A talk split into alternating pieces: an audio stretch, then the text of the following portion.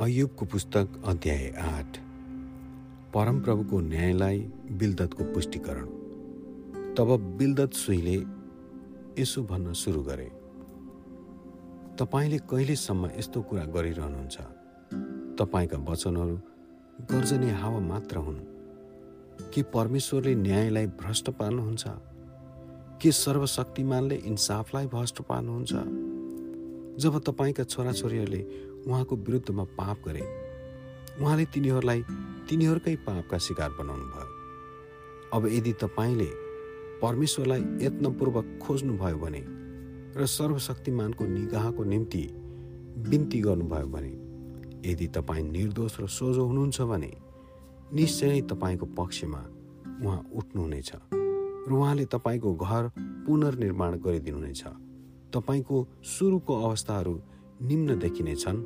यसरी तपाईँको अन्त अति महान हुनेछ। अघिका पुस्तालाई सोध्नुहोस् अनि तिनीहरूका पुर्खाहरूका अनुभवलाई विचार गर्नुहोस्। किनभने हामी त हिजो मात्र जन्मेका हौँ। अनि हामी केही पनि जान्दैनौँ। र पृथ्वीमा हाम्रो दिन त छाया जस्तो मात्र छ। के ती तपाईँलाई सिकाउँदैनन्? र तिनले तपाईँलाई भन्दैनन्? र तिनका हृदयका ज्ञानको कुरा पोखाउँदैनन्? के सिमसार नभएको ठाउँमा काँस नर्कट अग्ला हुन्छन्? के निगालाहरू पानी बिना लह लह बढ्न सक्छन्? तिनीहरू बढ्दै गरेको अवस्थामा र काट्न तयार नभएकै समयमा घाँसभन्दा चाँडै नै ओइलाइहाल्छन्। परमेश्वरलाई बिर्सनको दशा पनि यस्तै हुन्छ। ईश्वरहीन मानिसहरूको आशा यसरी नष्ट हुन्छ। त्यसको भरोसा पातलो धागो जस्तो हुन्छ। त्यसको आशाको जग माकुरोको जाल जस्तै हुन्छ।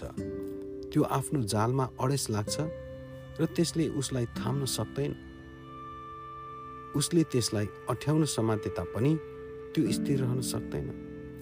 घाम पाएर मान पानीले रसिलो भई बढेको बिरुवा जस्तो त्यो हुन्छ र त्यसका पालुवाहरू बारीमा झाँगिएर जान्छन्।